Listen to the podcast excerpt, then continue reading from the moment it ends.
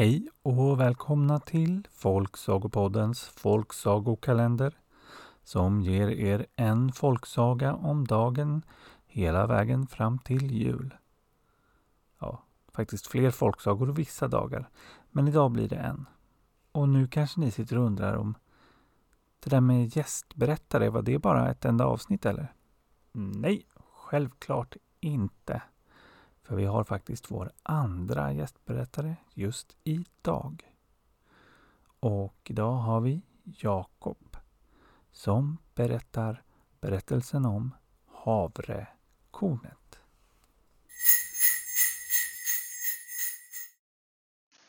Det här är sagan om havrekornet. Det var en gång för mycket, mycket länge sedan en liten pojke. Han var så fattig att det enda han fick i arv från sina föräldrar var ett enda havrekorn. Och eftersom han varken hade en far eller en mor var han tvungen att ge sig ut i världen för att söka sin lycka. Han tog det enda han hade, vilket var ett havrekorn, och började vandra iväg. Det tog inte lång tid förrän han stötte på en gubbe. Han hade stor, bred hatt och en grå, stilig rock.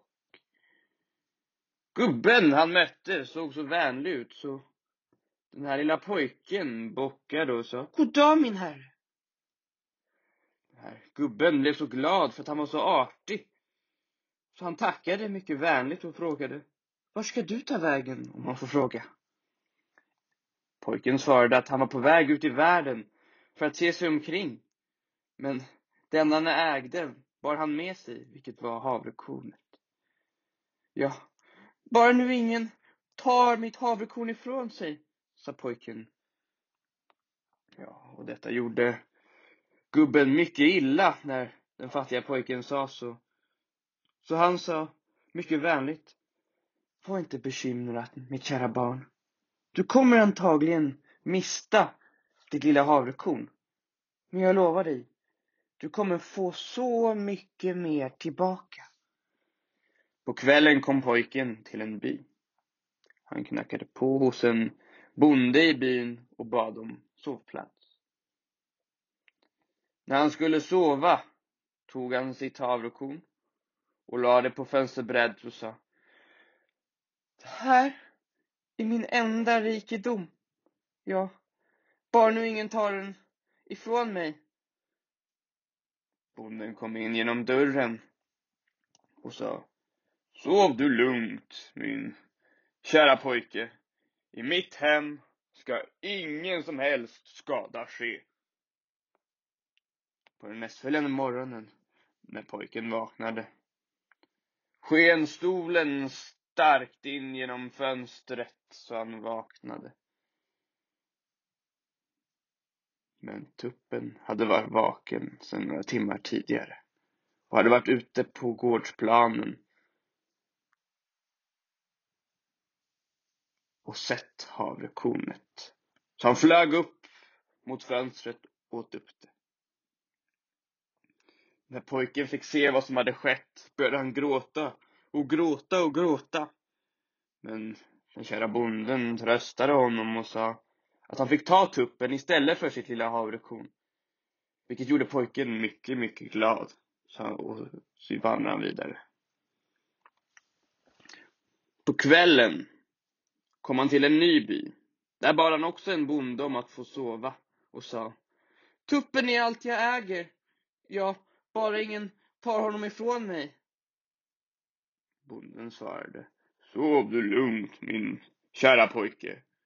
I mitt hem ska ingen som helst skada ske. Tidigt på morgonen gick tuppen och vandrade omkring på gårdsplanen och pickade i sig några korn som hönorna hade fått. Då fick bondens galt syn på tuppen och rusade i full galopp och bet ihjäl tuppen. När pojken sedan vaknade och fick se sin döda tupp på gårdsplanen började han gråta. Bonden tröstade honom och sa Ta nu min gris eftersom han bitit ihjäl din tupp. Så fick pojken ett rep att binda grisen till vidare. På kvällen kom han till en ny by. Han bad även den bonden om plats att sova, vilket han även fick där.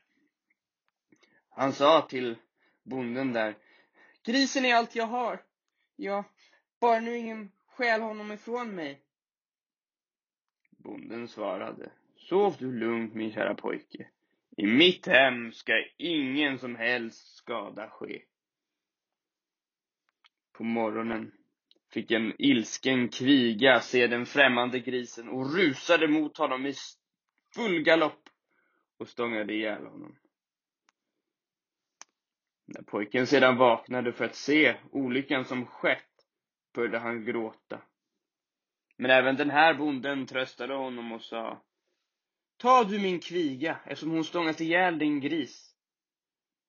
Sen tog han ett rep och knöt den runt kvigans hals och lät pojken ta med henne på sin färd. På kvällen kom pojken till en stor vacker herrgård. Han bad herremannen på herrgården om en sovplats. Det fick han gärna. Och när han sedan skulle gå och lägga sig sa pojken Krigan är allt jag har. Ja, bara nu ingen tar henne ifrån mig. Herremannen i huset tröstade pojken, klappade honom på axeln. Sov du lugnt, min kära pojke. Ingen som helst skada ska ske på min herrgård. Kom ihåg det. Men på morgonen sedan, när hästarna skulle vattnas och matas, sprang en bångstyrig ung hingst kring på gården. När han sedan fick syn på den främmande kvigan sprang han rakt emot henne i full galopp och sparkade ihjäl kvigan tills hon dog. Pojken, som precis hade vaknat, började gråta och gråta. Men herrmannen tog honom på axeln och sa Var inte ledsen, min kära pojke. Tag du den här exklusiva och dyra hingsten istället för din kviga. Ta även sadel och betsel så du kan rida. Pojken satte sig upp på den ståtliga, vackra hängsten. och så redan ut i världen och utförde många hjältedåd. Man säger, enligt legenden, att han till slut red upp på det vackra glasberget och befriade prinsessan och blev slutligen konung över hela landet. Ja, kära barn. Där ser man vad som kan bli av en fattig pojke om han har lyckan med sig. Ho, ho, ho.